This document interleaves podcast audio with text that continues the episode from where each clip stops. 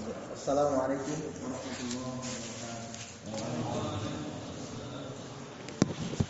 Alhamdulillahi rabbil alamin.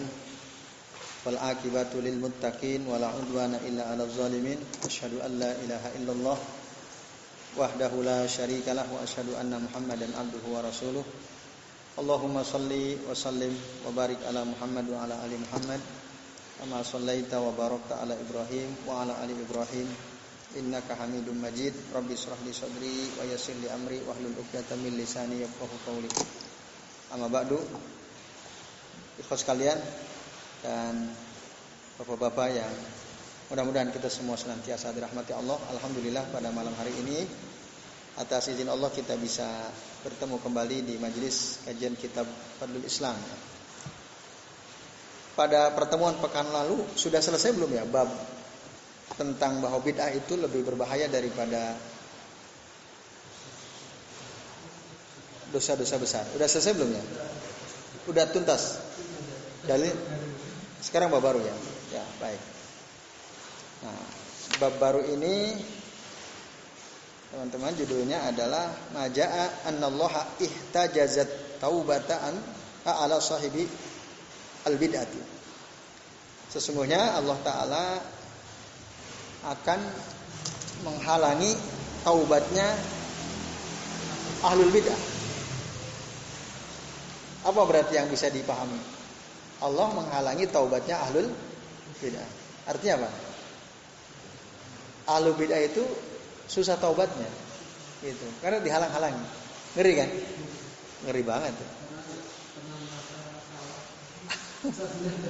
antum masih mending dulu antum ngikuti sahih bidah kan iya ah sekarang tapi biasanya kalau yang yang ngikutin relatif lebih mudah yang ngikutin hanya ikut-ikutan tapi yang pendakwahnya ya, tokoh-tokohnya wah itu susah itu susah. Kalau yang ngikutin kan ya karena taunya itu kan. Nanti ketika dia dapat ilmu bisa berubah. Tadi itu saya ngobrol lama sama salah satu pengurus takmir sana. Nah, dia dia cerita, waduh, ternyata selama ini banyak sekali dan amalan yang saya lakukan itu bid'ah semua.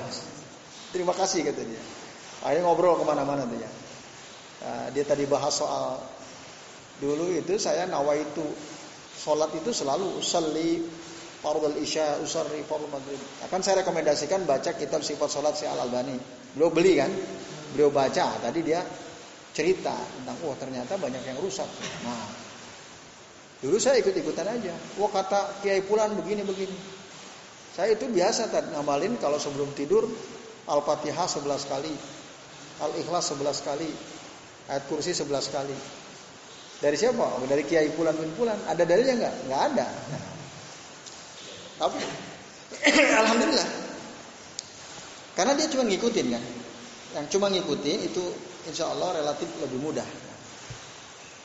Tapi kalau sudah jadi penyerunya, bahkan jadi penciptanya Allah, penciptanya repot lagi itu, yang menciptakan bid'ah. Nah, jadi dalam bab ini dibahas ya bahwa orang yang ya, pelaku bid'ah itu taubatnya dihalangi oleh Allah Subhanahu wa taala. Ini berdasarkan hadisnya dari Anas bin Malik. Jadi judul ini berdasarkan hadis dari Anas bin bin Malik. Nah, hadis marfu. Marfu itu sampai kepada Nabi ya sallallahu alaihi wasallam. Kata Nabi apa? Innallaha sesungguhnya Allah itu hajaza atau hajaba at-taubata an sahibi kulli bid'atin. Itu dalilnya. Dari Ishaq bin Ruwaiha dalam kitab Mustadnya juga dalam kitab Al-Mu'jam Al-Kabir Imam At-Tabrani. Inna Allah hajjaba taubata an sahibi kulli bid'atin. Sesungguhnya Allah menghalangi ya, taubat pelaku setiap bid'ah.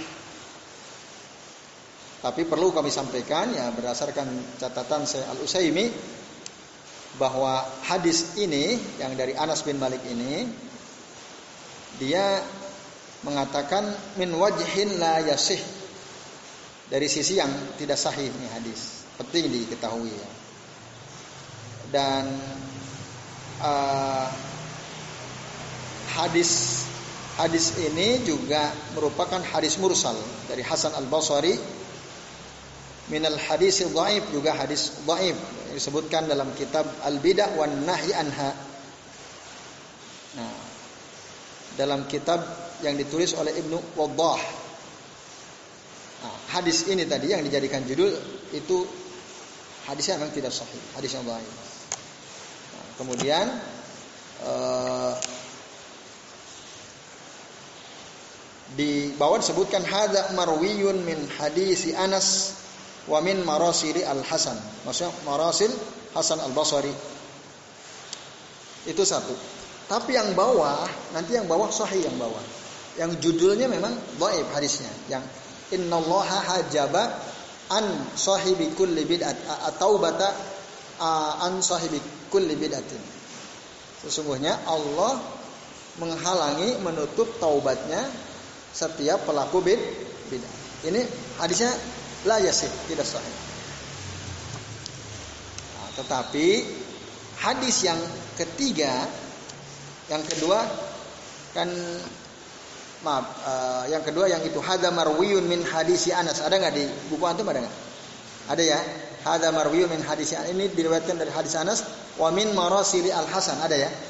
Itu maksudnya Al Hasan Al Basri itu pun hadisnya dhaif. Bunyinya hampir sama dengan judul itu. Nah, baik. Nah, iwas sekalian, bab ini, ya, pada bab ini penulis kitab ini ingin menjelaskan sisi-sisi di mana bid'ah itu sangat buruk, bahkan lebih berbahaya daripada dosa besar. Ini sisi spesifiknya lagi. Kemarin kita sudah bahas apa saja penyebab orang yang melakukan perbuatan bid'ah itu bid'ah itu lebih berbahaya daripada daripada dosa-dosa besar. Nah, di sini tegaskan lagi. Kenapa bid'ah itu lebih buruk, lebih berbahaya daripada dosa besar? Satu karena apa? Pelakunya kalau berdasarkan bab ini susah taubatnya. Ya bahkan tidak mendapatkan taufik untuk bertaubat. Oh itu ngeri kan? Taufik dari Allah. Allah nggak kasih dia taufik untuk bisa bertaubat. Ini yang paling ngeri. Ya. Kemudian apa lagi?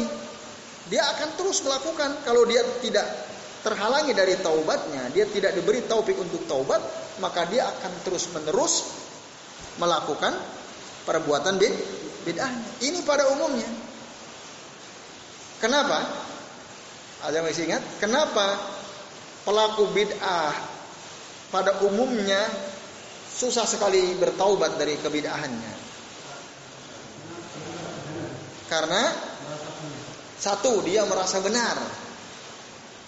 Dia merasa benar. Apalagi? Hah? Merasa mendapat pahala merasa ini bagian daripada aga, agama. Nah, itu. Ini baik. Maka orang pelaku bid'ah pada umumnya tidak pernah berpikir untuk meninggalkan perbuatan bid'ahnya. Pada umumnya. Itu. Nah, ini ngeri sekali. Beda dengan pelaku mak maksiat ya. Kalau pelaku maksiat gimana? Dia ngerasa kan? yang dilakukan itu kemaksiatan. Dia merasa itu sah, salah. Maka potensi untuk taubatnya besar. Walaupun ada juga yang nggak taubat sampai mati ada juga. Tapi potensi untuk taubatnya pelaku maksiat itu lebih besar daripada pelaku bid bid'ah. Maka dikatakan di sini bi khilafil mubtadi fa innahu la tazharu alaihin nadamah Pelaku bid'ah itu beda dengan pelaku maksiat. Kenapa? Karena dia ya, tidak nampak padanya penyesalan. Walakinnahu masrurun bibid'atihi. Bahkan dia senang dengan perbuatan bid bid'ahnya. Wah itu senang sekali. Jadi walaupun dinasehati berkali-kali ya nggak bisa. Ya itu yang saya cerita ya ada dosen di Jawa Timur kan. Kalau ke Jogja kadang-kadang mampir ke rumah. Ya dulu teman di pasca sarjana waktu ngambil S2. Wah itu debat sesengit apa pun, saya sampaikan dalil sedetail apa pun, bahkan kita tunjukin sejelas apa pun, nggak bergeming itu, nggak bisa dia. Selalu cari jalan gitu ya untuk membenarkan apa yang dilakukannya. Nah ini ya, itu ngeri ya. Kalau sudah menjadi dai pendakwah bid'ah itu ngeri itu. Karena dia udah levelnya udah bukan pengikut, udah pendakwah bid'ah dia. Nah ini ya, terus sekalian. Nah, itu maka inilah buruknya bid'ah. Fahada min masawil bid'ah anna sahibaha yaqa'u fiha wa yad'u ilaiha. Inilah dia keburukan-keburukan bid'ah, pelakunya itu terjerumus di dalamnya dan menyeru orang lain untuk melakukan bid'ah itu. Wa min masawi al bid'ah anna sahibaha la yuwaffaqu taubah dan di antara keburukan bid'ah pelakunya itu tidak dapat taufik untuk bisa bertaubat. Itu itu paling buruk. Nah, baik. Akhwas sekalian azan ya Allah wa iyyakum ajma'in itu ya. Nah, lalu kemudian Syal Fauzan mengatakan uh, mengutip uh, ini muallif saya Muhammad bin Abdul Wahab ya mengutip dalil hadis ini dalil yang terakhir pada bab ini ya yaitu Zakara Ibnu Waddah Ibnu Waddah penulis kitab tadi ya. Uh, An-Nahyu anil anil bidah tadi ya. Ibnu Waddah tadi penulis al-bidah wan nahyi anha ya. Bid'ah dan larangannya. Nah, beliau mengatakan An Ayyub An Ayyub dari Ayyub. Nah, ini sanadnya sahih kalau ini. Bi isnadihi sahih. An Ayub dari Ayub Qol dia mengatakan, "Kana indana rajulun." Dulu kami punya teman, indana rajul itu maksudnya kami punya teman seorang laki-laki ya, yaro ra'yan dia punya pandangan atau pendapat, pandangan bid'ah. Jadi yaro ra'yan itu maksudnya dia punya pandangan bid'ah. Pandangannya itu bid'ah. Fatarokahu. Lalu dia meninggalkan. Pandangan bid'ah itu dia tinggalkan.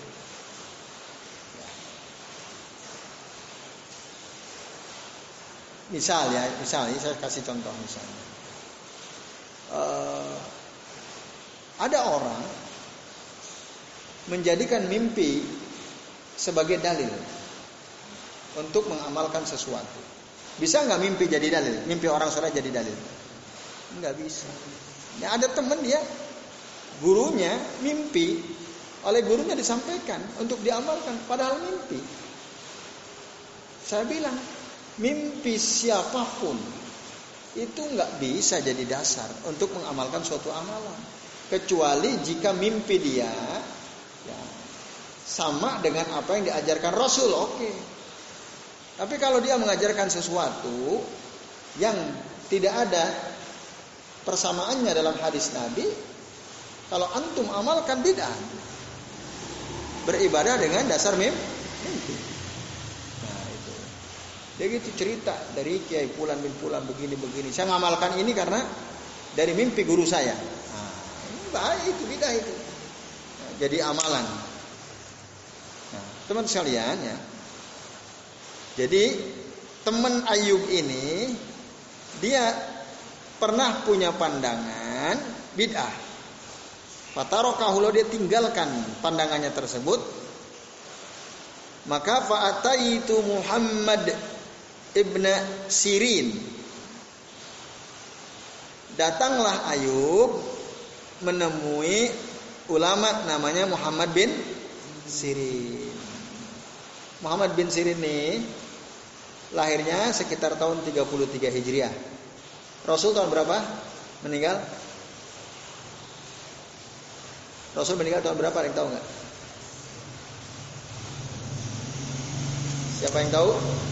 Tahun berapakah Rasulullah meninggal? Tahun Hijriah lah, Hijriah.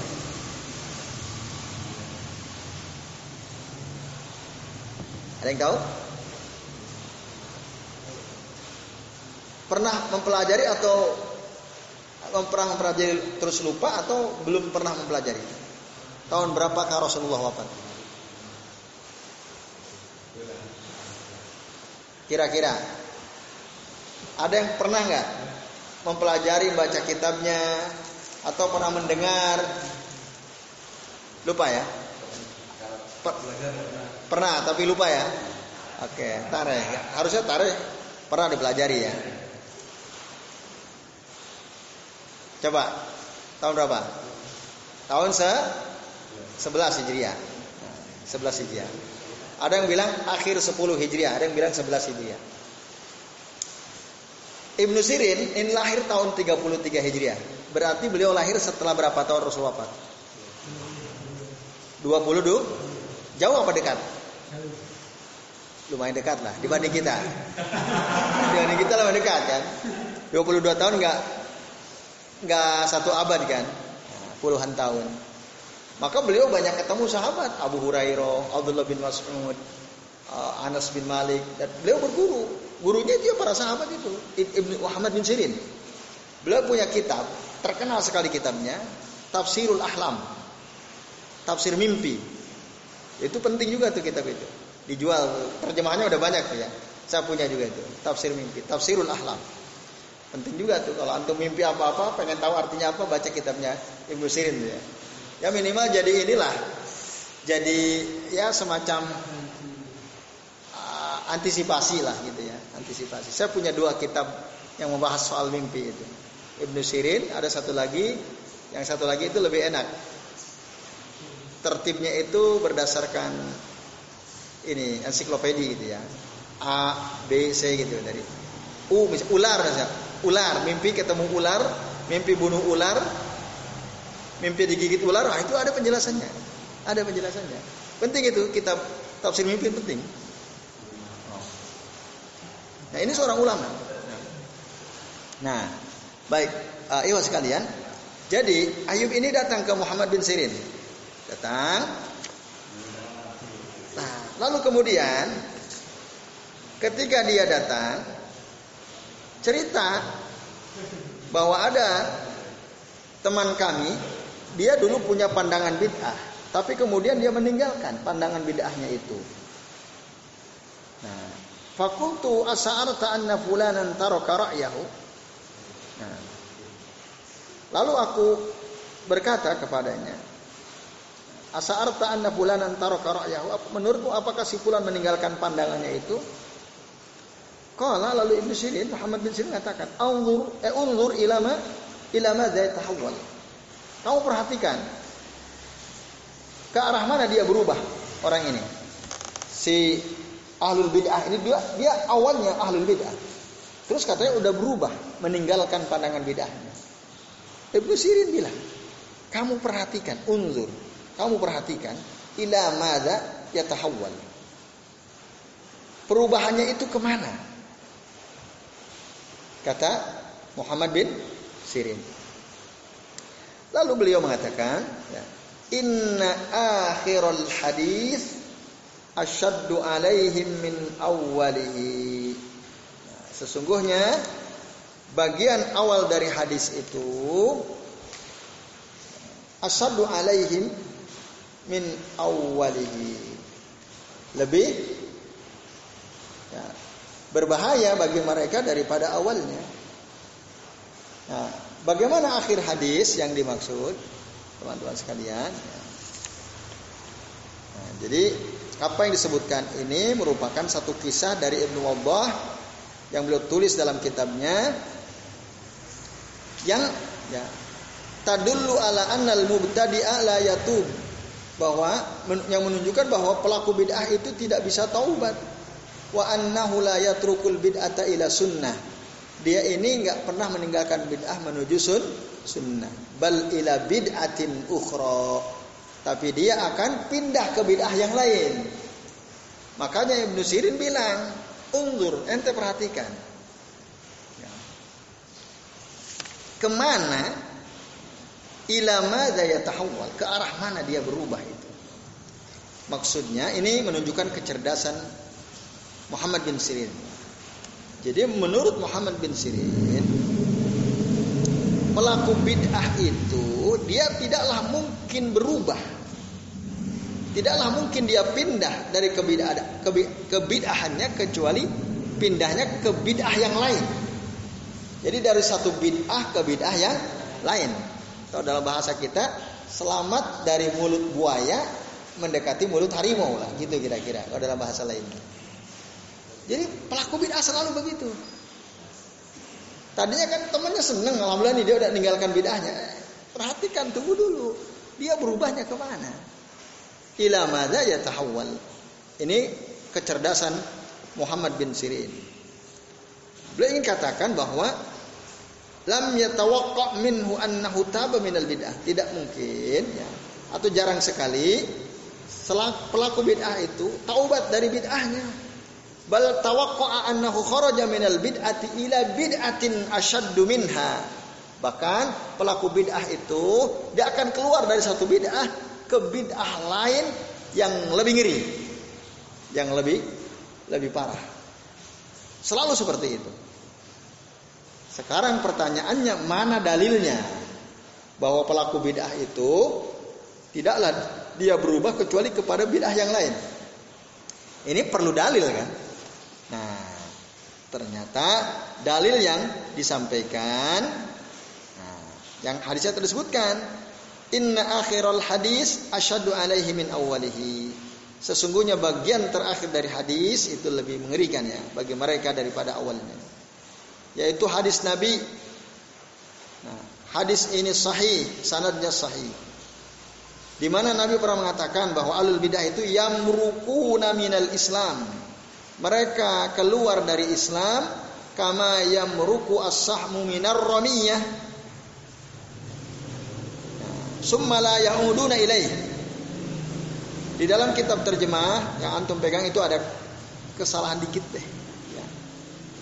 Jadi artinya ya as-sahm ar-ramiyah, saham itu anak panah, ar-ramiyah itu di situ diterjemahkan sasaran ya. Nah, ya. Lebih tepat ya busur, busur busurnya. Romnya itu pelemparnya. Kalau sasaran kan memang ya kurang pas ya kali sasaran.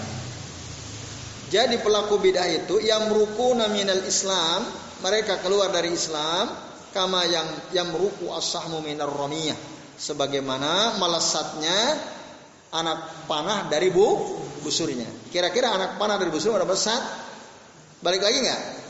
Enggak nggak bisa balik lagi dia. Nah, maka la yauduna ilaih. La yauduna ilaih. Tidak bisa balik lagi itu. Apalagi kalau kita di gunung ya, hutan lebat gitu ya. Kita panah hewan apa begitu ya. Kan nggak mungkin tuh anak panah balik lagi ke busur kita kan nggak mungkin. La yauduna ilaih. Nah itu kata Nabi Shallallahu Alaihi Wasallam. Jadi ikhwas sekalian, nah ini adalah min dalail min dalail nubuwatihi indama zakara hadzal hadis bil khawarij. Waktu itu Nabi menjelaskan orang khawarij. Orang khawarij itu ahli bidah, bahkan uh, apa namanya? Pelaku bidah pertama yang hidup di zaman Nabi ya orang-orang khawarij. Maka Nabi menjelaskan mereka itu yang merukuna minal Islam kama yang meruku asahu min ramiyah la ya'uduna ilaih. Mereka yaqra'un al-Quran, yusallun kama tusallun, yasumun kama tasumun, yaqra'un al-Quran kama taqra'un. Ya, bahkan mungkin mereka yakumuna fil lail ya, mereka bangun di malam hari, sholat malam mereka. Tapi ya, yaqra'un al-Quran kama taqra'un, mereka baca Quran sebagaimana kalian baca, tapi bacaan Quran itu tidak bisa melewati kerongkongannya. Ada yang nyampe ke hatinya enggak, cuma di mulut tok orang Khawarij. Nah, mereka itu nah tadi yang rukuna minal Islam kama yang ruku as-sahmu minar ramiyah. Artinya apa? Ikhwas kalian, azan ya Allah wa iyyakum ajmain. Arti dari hadis Nabi ini jadi pelaku bid'ah itu dia tidak akan mungkin bisa meninggalkan bid'ahnya kalau toh dia berubah, dia akan berubah kepada bid'ah yang kedua.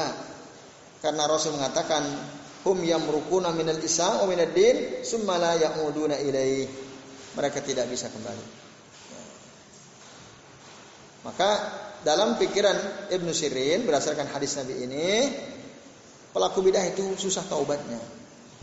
Nah, kalau dia keluar meninggalkan satu bidah pasti dia akan berbuat bidah yang lebih buruk darinya. Pasti seperti itu.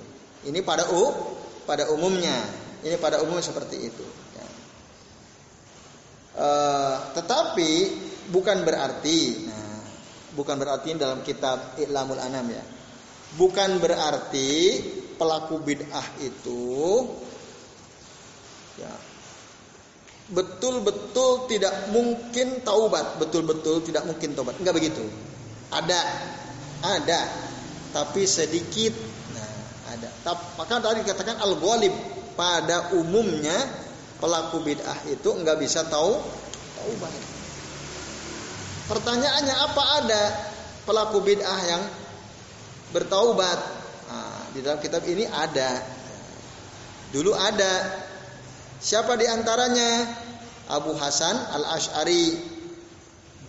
Abu Hasan Al-Ash'ari, pendiri madhab Al-Asyairah. Itu di akhir hidupnya, dia taubat. Ngikuti al-sunnah wal jamaah.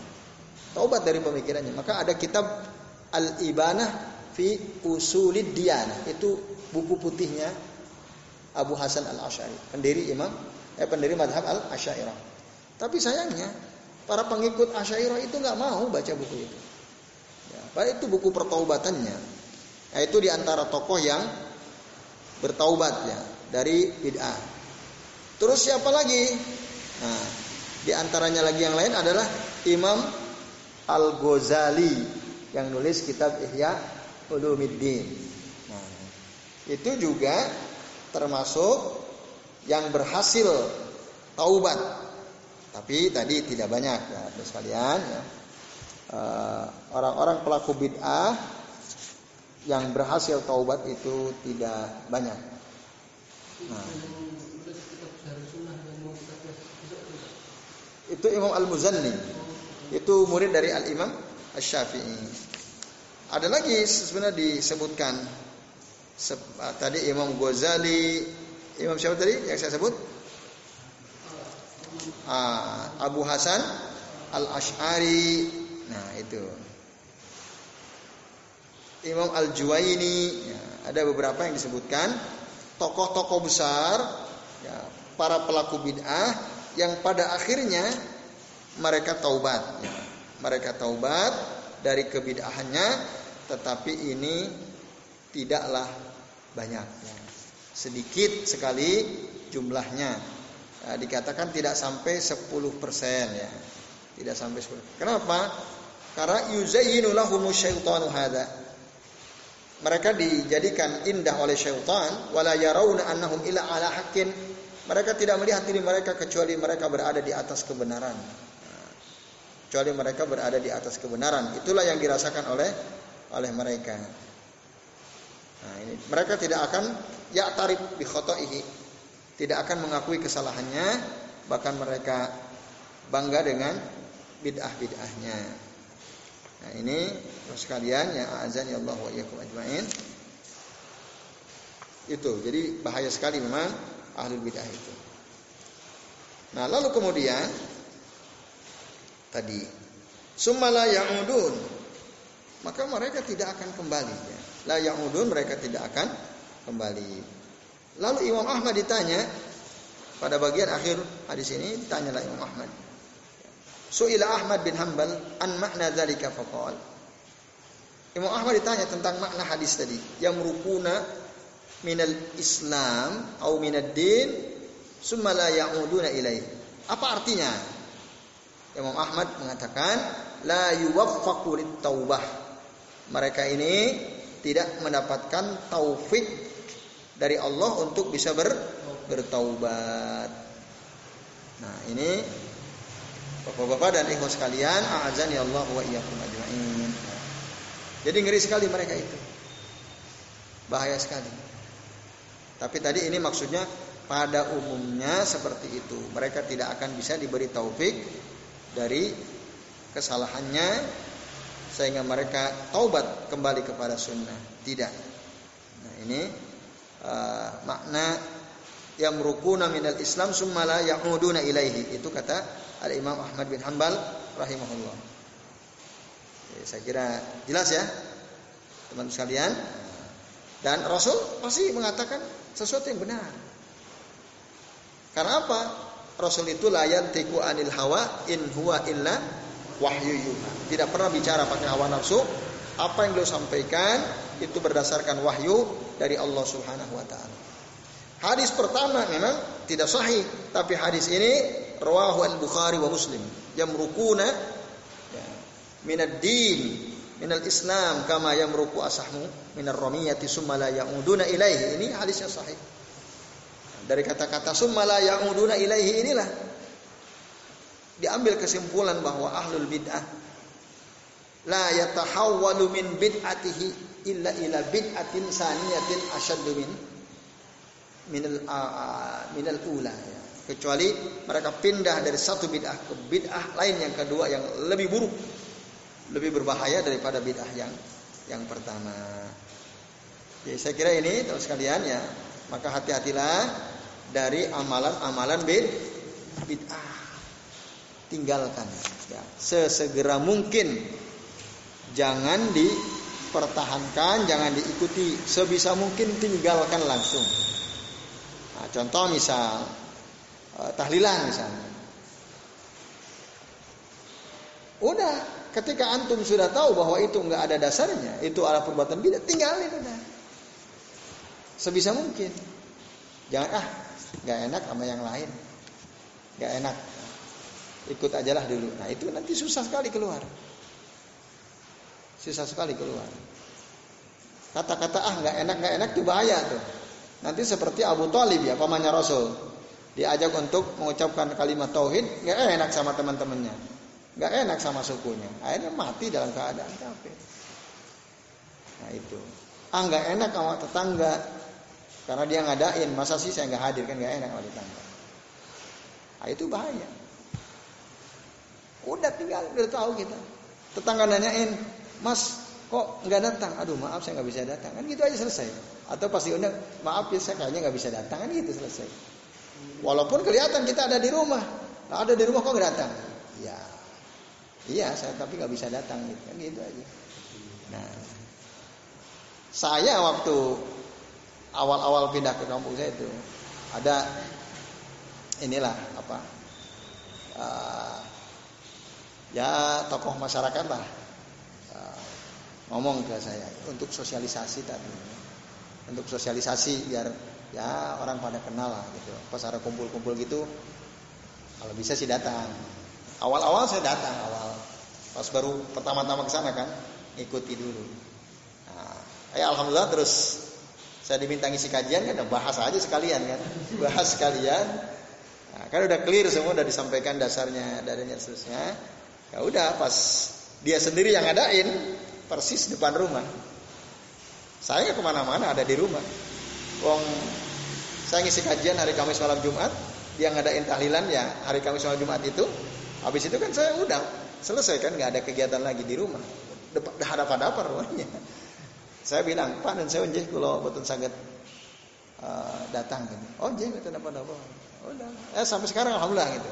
Alhamdulillah di Allah memberikan kemudahan kepada saya untuk ya tadi tidak datang dan mereka memaklumi ya mereka memaklumi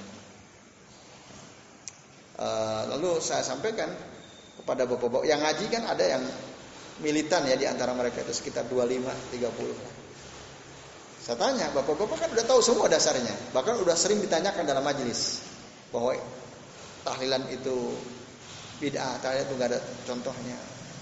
Bahkan kalau ada orang berwasiat tolong nanti saya tahlilin. Gak usah di nggak usah di wasiatnya nggak usah di dilaksanakan karena wasiat yang bertentangan dengan sunnah. Udah saya sampaikan. Tapi ya tetap aja mereka datang bahkan di rumahnya memperingati seribu hari saja tetap saya tanya kenapa coba panjenengan udah tahu ilmunya tapi kok masih nggak enak ya sama keluarga nah kan nggak enak sama ke keluarga padahal saya udah paham nah itu nah itu akhirnya Ya nggak ada susah berubahnya. Walaupun potensi untuk berubah ada ya karena mereka ikut gitu ya. Nah itu teman sekalian ya semoga Allah mudahkan kita semua yang hadir di majlis ini untuk menjauhi perbuatan bid bid'ah. Karena dia lebih buruk daripada dosa dosa-dosa besar. Nah, maka ikutilah petunjuk Allah dan Rasulnya. Ya. Insya Allah kalau kita mengikuti petunjuk Allah dan Rasulnya, kita akan terus lurus ya. Karena dalam Al-Quran surah Muhammad ayat 17, Allah Allah Subhanahu Wa Taala berfirman, "Walladina tadau." Nah, dan orang-orang yang ihtadau itu menerima petunjuk dari Nabi Yesus Sallam yang mengamalkan apa yang diajarkan oleh Rasul ya sallam itadau itu tadi dapat petunjuk lalu diamalkan zadahum huda maka kelak Allah akan tambah lagi petunjuk kepadanya wa atahum taqwahum dan Allah akan memberikan kepada mereka ketakwaannya. Nah, jadi kalau kita udah dapat hadis, udah dapat ilmu amalin. Supaya apa? Ya, supaya kita nambah oleh Allah ditambah petunjuknya. Oleh Allah ditambah kebaikannya, oleh Allah ditambah ilmunya yang bermanfaat. Tapi kalau kita udah dapat ilmu, misalnya udah dapat bahwa tahlilan itu beda, antum nggak amalkan ilmu ini, ya nggak nambah nanti petunjuknya. Kalau antum ingin nambah, ya ilmu antum ingin bertambah, dikasih oleh Allah, petunjuk antum ingin bertambah, ya Allah tambah, ya antum ingin Allah tambah petunjuknya, maka setiap ilmu yang kita sudah dapatkan kita amalkan. Karena Allah bilang walladzina tadau zadahum huda wa atahum taqwahum. Ini ya teman-teman sekalian, azan ya Allah wa Nah, sebaliknya orang yang berpaling dari mengikuti kebenaran, udah tahu yang benar tapi dia nggak mau mengikuti yang benar.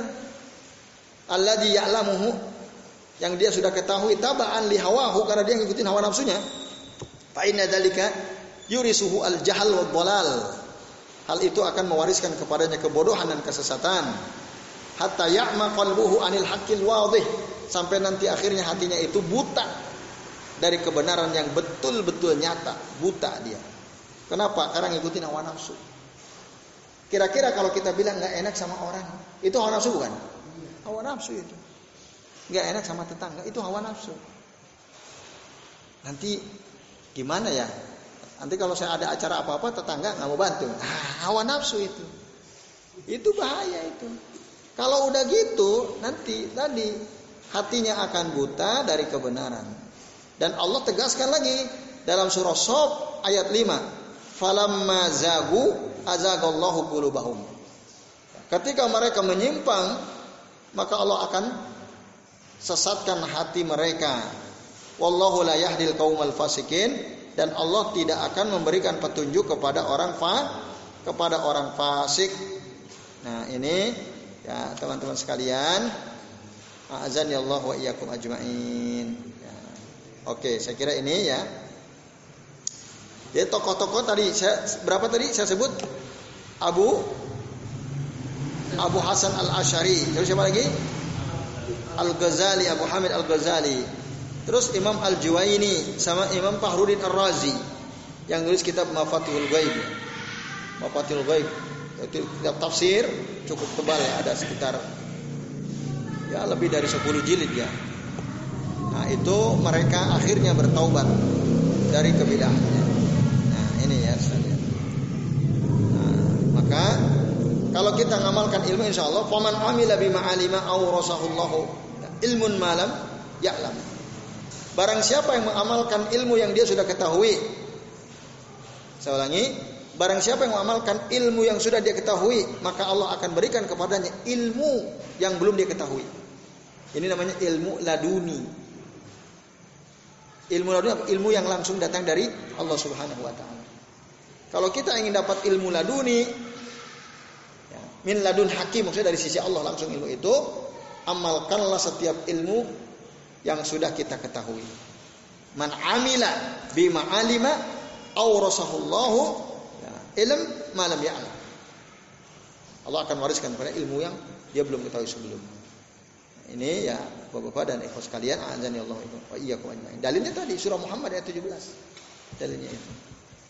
Walladzina tadau zadahum huda wa atahum taqwahu atau surah As-Saff ayat 5 falamma zagu azagallahu qulub qulubahum Allahu la yahdil qaumal fasiqin. Oke, saya kira ini ya jelas ya? Jelas sekali. Jadi, semoga ini menjadi ilmu buat kita dan benteng buat kita masing-masing untuk tidak bermesra-mesraan dengan bid'ah untuk tidak menggampang-gampangkan perbuatan bid bid'ah. Ya, saya kira cukup sekalian satu judul ya. Eh, satu bab, hadisnya cuma sedikit ya. Eh, ya, kalau disebutkan sih tiga, tapi sesungguhnya satu hadis itu ya, yang sahih dari Nabi SAW. Ya, saya kira ini. Selebihnya kalau ada yang mau tanya silahkan. Ini jam 10 lewat 15 ya. Oke, monggo Pak Sekarang kalau ada misalnya kita keluarga orang tua kita meninggal, mm-hmm. kemudian malamnya jadi tidak ada kegiatan apa-apa ya. ya. Misalnya boleh nggak mengundang keluarga bukan tahlilan tapi ya mendoakan saja mengaminkan salah satu nanti berdoa terus lainnya saudara-saudara itu mengaminkan. Jadi cuma lingkup keluarga saja. Maksudnya adik kakak paman bibi kayak gitu aja? Kurang dekat? sampai saudara dekat antara uh, saudara dari orang tua kita yang datang. Ya kan berarti paman bibi itu kan? Ya, nah. ponakan diundang itu ya diundang tapi bukan tahlilan ya dengan kumpulan sambil doaan? Berdoa kalau tahlilan itu apa tahlilan? Apa bedanya dengan tahlilan? Apa bedanya dengan tahlilan? Dalam bacaannya itu ya. Bacaannya. Ah. dalam hadis dari Jarir bin Abdullah Al-Bajli ya, radhiyallahu anhu. Coba perhatikan kata-katanya. Ya. Kunna na'uddu al-ijtima'a ila ya, baiti ahlil mayyiti ba'da dafnihi wa sani'at at-ta'ami minan niyaha. Artinya kami menganggap ya, berkumpul di rumah keluarga mayit coba ada nggak kata tahlilan di sini ya berkumpul di rumah keluarga mayit setelah dia dikubur wasani atau to'am dan membuat makanan untuk mereka yang kumpul itu minan niyaha bagian daripada uh, meratapi mayit niyaha. Ada nggak sih itu tahlilan? Nggak ada. Kumpulnya ada nggak situ? Makanannya ada nggak situ? Ya itulah tahlil. Nah, itulah. Tahlilan itu kan istilah di Indonesia tahlilan kalau istilah di sana nggak ada tahlilan. Nah itu Pak Lukman. Jadi itu termasuk. Jadi nggak usah ngumpul-ngumpulin kita ngundang-undang nggak usah. Ya kalau mereka datang takziah ya biasa aja. Gak usah nanti jangan pulang dulu ya. Ngapain? Malam kita kumpul doa bareng-bareng. Ah sama aja. Jadi nggak usah. Itu. Karena tadi kata Jarir bin Abdullah Al-Bajli begitu. Itu sahabat Nabi Sallallahu Disebutkan di dalam Musnad Imam Ahmad bin Hambal uh, rahimahullah. Ya.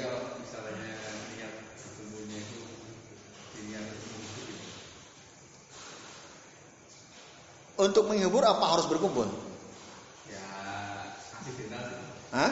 Ya, mumpung Kan jauh-jauh gitu ya. Nah, terus kalau kumpul ngapain habis kumpul? ya, kalau kalau kumpul karena rumahnya keluarganya dari Jakarta, dari Surabaya, dari Kalimantan. Pas meninggal kan pulang kumpul di rumah induk kan gitu. Kan nggak mungkin habis dikubur langsung pada pulang kan. Ya kumpul-kumpul seperti itu nggak ada masalah.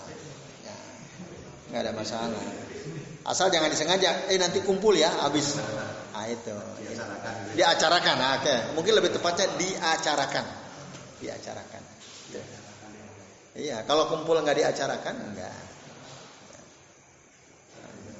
Tapi tadi eh daripada kita pada diam sendiri, yuk kita kumpul aja kumpul. Doa bareng-bareng. Nah, itu diacarakan kayak gitu. diacarakan. Nah itu. Nah terus gimana tuh mendoakannya? Tinggal doakan, nggak usah kumpul-kumpul. Kan gitu selesai. Itu kadang-kadang kita suka tidak puas kan. Nah lalu kita mereka-reka acara ya. Biar mantap kan gitu. Itu hawa nafsu yang diikuti sebenarnya hawa nafsu yang diikuti. Ya itu. Ya, itu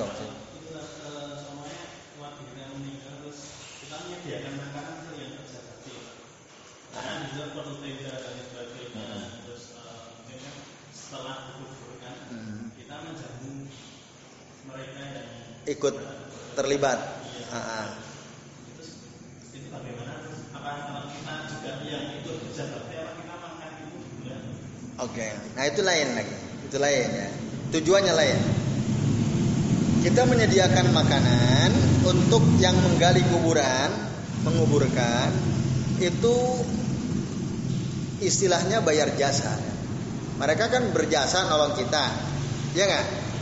Nolong kita ya sebagai ucapan terima kasih kita, ayo pak makan dulu lah di rumah. Itu itu beda ya. Kalau seperti itu nggak ada masalah. Nah, itu itu kan khususnya ya untuk yang terlibat termasuk yang ini ya yang gotong jenazah biasanya ikut juga tuh ya. Ya itu, kalau itu lain. Itu kan biasanya langsung kan setelah dikubur dari makam langsung ke rumah si mayit kan. Ya. Itu enggak. Kan enggak doa-doa kan cuma makan aja kan? Iya.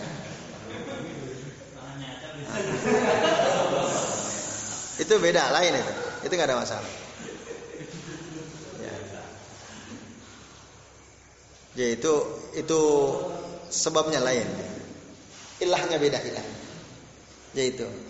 Ya itu contoh saja sih ya. Maksudnya banyak contoh lain yang bid'ah banyak dilakukan oleh masyarakat dan mereka merasa itu benar-benar saja.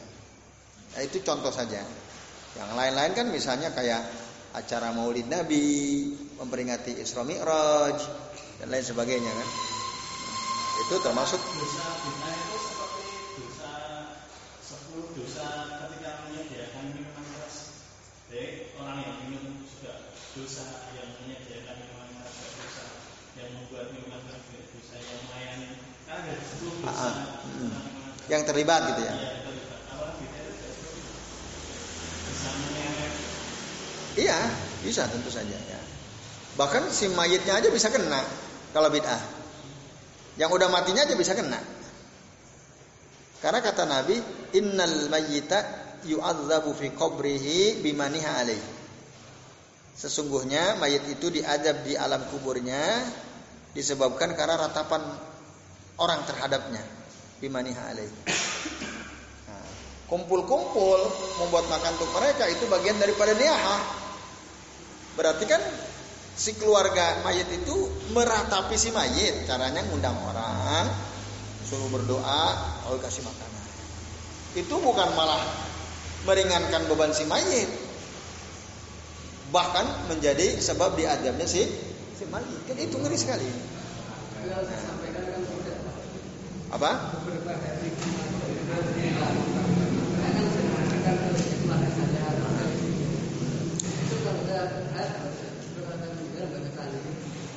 ada hadisnya dari Jalil bin kalau saya meninggal, saya sudah nyampaikan seperti ini ke pengadilan.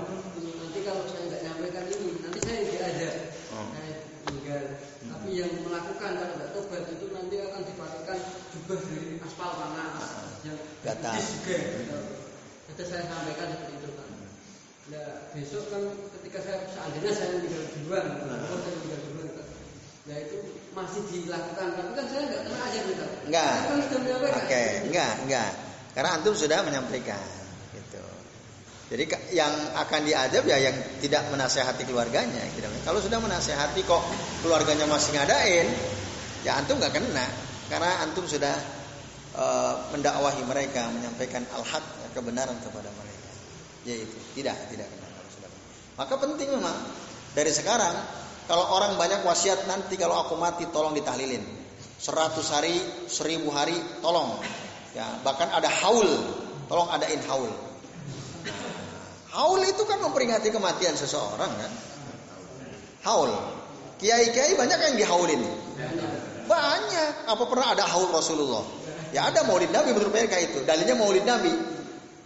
Mereka ngadain haul, dalilnya apa? Maulid Nabi dalilnya. Wong Nabi aja di maulidin gitu. Nyontoh. Siapa yang ngajarin maulid Nabi? Kan nggak ada. Sahabat nggak pernah. Ah, Syiah, orang Syiah betul. Itu. Hampir tokoh-tokoh kiai-kiai ya yang punya punya pesantren itu pasti ada haulnya. Haul kiai pulan bin pulan, haul kiai. Dari mana dasarnya? Gak ada. Kan ada kebaikan, memperingati, menyampaikan ke masyarakat tentang apa saja jasa-jasanya, apa saja kebaikannya kan itu. Apakah harus caranya seperti itu? Tidak harus. Terus piye caranya supaya masyarakat tahu ya? Tulis aja buku sejarahnya, biografinya. Orang semua tahu sejarah Rasulullah karena baca bukunya kan. Orang tahu sejarah Abu Bakar, sejarah Umar dari mana? Apakah dari haul? Enggak. Dari kitab yang ditulis. Tulis. Kalau antum ingin ya dikenang kebaikan bapak antum tulis. Tulis gitu. Antum ingin dikenang kebaikan antum, nulis buku antum. Nanti orang kenal sama antum. Yuk kita nulis kan, biasakan nulis gitu kan. Nah, itu. Ah, dibagikan. Ah, ah. Ada tuh orangnya, dia punya kakak, kakaknya orang soleh, orang baik. Meninggal gara-gara menerin listrik, jatuh, stroke. Ya, beberapa hari kemudian adiknya nulis, bagus sekali saya dikasih tulisan adiknya tentang kakak yang meninggal. Wah, bagus sekali. Ya. Jadi catatan dari si adik tentang kakaknya itu. Ah kayak gitu kan. Jadi kenal. Oh saya jadi kenal kakaknya. Oh ternyata saya udah kenal sebenarnya. Cuman hanya kenal nama, kenal biasa aja. Tapi setelah saya baca tulisan adiknya, oh jadi kenal lebih jauh gitu ya.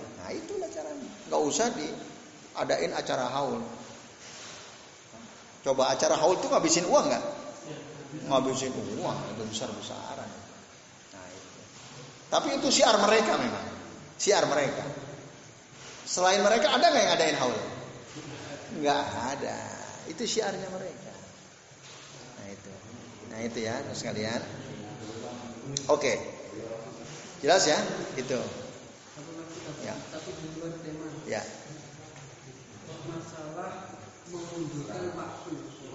Nah, kan jam 7 ya, 7 sebagus tapi adanya diundurkan tapi tidak ada kajian. Uh-uh. sengaja mundurkan dengan Isa Isa maksudnya? Iya. Sholat Isa. Semua semua sholat uh. sholat buat mundur semua. Alasannya? Dan alasan itu kan apa ada atau waktu sekarang nggak bisa patokan patokannya itu alam uh-huh. ketika seperti itu patokannya alam jadi cari amannya mundur biasanya mundurnya seperempat jam setelah itu kalau ada umumnya masjid seandainya masjid sana itu hmm. sudah pada komat sini baru ada sendiri uh-huh. itu gimana ya tutupnya Baik, terima kasih. Yang patokannya alam siapa itu? Orang banyak. Yang membuat alam itu cerita teman saya, hmm. teman saya dari ustaznya. Hmm. Kita mundurin demi amannya. Hmm. Nah itu. Yang tadi dimaksud patokannya alam itu siapa? Yang mana yang patokannya alam itu? Ya waktu itu kita. Hmm. Ya waktu sholat kan jelas. Dalam kitab Bulughul Maram bab mawaqitus sholat, waktu-waktu sholat kan jelas. Zuhur mulainya kapan? Akhirnya kapan? Asar mulainya kapan? Akhirnya kapan? Begitu juga maghrib, begitu juga isya kepada subuh. Zuhur itu mulainya ketika matahari sudah tergelincir dari tempat istiwanya. Itu mulainya ketika sudah condong ke arah tempat tenggelamnya. Sampai kapan? Sampai bayang-bayang seseorang sama tinggi dengan aslinya. Itu waktu zuhur terakhir. Asar saat bayangan seseorang lebih tinggi sedikit dari aslinya. Sampai kapan? Sampai tenggelam matahari. Nah, maghrib sejak tenggelam matahari sampai kapan? Sampai asyafakul ahmar ya. Jadi berkas semburat cahaya matahari itu hilang. Udah nggak kelihatan lagi. Nah, itu berarti masuk waktu waktu isya. Waktu isya mulai dari hilangnya safak al-ahmar itu sampai kapan? Ila atmatil lail sampai tengah malam. Tengah malam jam berapa? Jam 1. Nah, itu yang kuat ya, pendapat yang kuat. Waktu terakhir isya itu jam sekitar jam satuan. Atmatil lail, pokoknya pertengahan malam. itu fleksibel pertengahan malam. Tinggal tergantung awal malamnya kapan, akhir malam kapan, ya tinggal bagi dua. Maka Rasul tidak menyebut jam, tapi at matul lail ya pertengahan malam. Subuh kapan? Mulai ba'da tulu'il fajr hatta tatlu asyams. Itu clear semua. Bisa dilihat gitu. Nah, itu cara menentukan waktu. Nah, orang memang mungkin banyak waktu lihat jam, ya kan ditentukan oleh jam. Orang nggak peduli sama matahari. Apakah matahari udah condong ke barat apa belum? Yang penting waktu udah zuhur di situ. Allahu akbar, Allahu akbar. Padahal kalau dia keluar, bayangannya masih ada di barat. Bayangan seseorang masih ada udah masuk waktu zuhur belum? Belum. Berarti posisi bayangan di mana ketika udah masuk waktu zuhur? Timur. Tapi karena orang lihat jam itu, nggak lihat matahari, nggak peduli sama matahari, itu yang diikutin. Padahal waktu dia keluar, oh ternyata masih di barat. Nah, di Masjid Baitur Nur, ya, kan itu udah bahas masalah ini. Itu untuk mengantisipasi bikin jam matahari, asa asam siah. Jadi bikin semacam tugu gitu, terus ada besi. Nah, jadi tugu bulat gitu ya, di tengahnya kasih besi. Berdiri gitu. Ya agak tinggi dan dijauhkan dari pohon-pohon yang agak terbuka. Jadi muadzin kan di sana muadzinnya tetap, imamnya tetap. Muadzin sebelum adzan zuhur lihat itu dulu. Yang lain udah pada adzan selama dia masih ada di barat tidak adzan. Karena memang begitu ukurnya, bukan jam. Nah itu. Ya, maka tak lebih daripada ngundurin pakai perkiraan lebih baik gitu aja. Ada ada solusinya. Kan itu juga ada mbak. Nah. Tadi temen kan tak suruh. Nah. Soalnya bisa maghrib jam setengah itu kurang lima menit. Nah. Maghrib kan jam enam lebih tujuh nggak boleh gitu. Orang yang paling makanya kalau waktu saya pulang pelatihan, hmm. saya kan nggak tahu sana ada ada datang masuk karena ada saya ada hmm. saya amati kalau saya nggak ada waktu mungkin saya masih ngobrol dulu sholat hmm. itu kok sana-sana koma kok sini belum kadang kalau selesai sedikit komat sini kok baru ada ternyata ustadznya itu yang kasih pengarang lebih baik ditunjukkan daripada kita lepas kali masih belum waktunya kita tuh pengarang seperti itu ya bisa saja bisa saja ya lebih baik tapi tadi ada yang lebih baik dari itu ya ada yang lebih baik dari itu. Karena bisa jadi ketika orang adzan sebenarnya udah masuk kan mungkin juga. Ada dibuktikan pakai itu aja. Ya gitu itu lebih baik. Ya mungkin usaha itu nggak mau repot-repot. Kamu mau repot dikit nggak misalnya di sini. Buat aja asam sih taruh di mana. Tinggal di musyawarahkan sama takmir bikin asam ya. Gampang banget kan? Apa susahnya gitu kan? Demi kemaslahatan kan selesai. Gitu. Bisa ya, ya bikin pakai pasir semen itu ya setinggi pinggang lah tinggi pinggang terus kasih besi ke atas ya berapa senti lah gitu. Tapi yang agak bulat biar kelihatan bayangannya gitu maksudnya. Bisa. Nah itu. Ya itu. Itu itu afdal itu lebih baik ya. Itu mungkin ya supaya nggak repot-repot lah. Ya, jadi gitu maksudnya Allah taala Oke, jelas ya, Mas lihat. Oke, saya kira ini yang kita bisa bahas ya, insya Allah pada kesempatan malam hari ini, insya Allah nanti kita lanjut lagi kajian kita di pekan yang akan datang uh, dengan judul baru ya, halaman 37 insya Allah. Terima kasih atas perhatiannya, semoga bermanfaat. Nanti diakhiri oleh Mas Sabdo selaku pembicara. Saya Hari ya sallallahu Muhammadin ala alihi wasallam. Wassalamualaikum warahmatullahi wabarakatuh.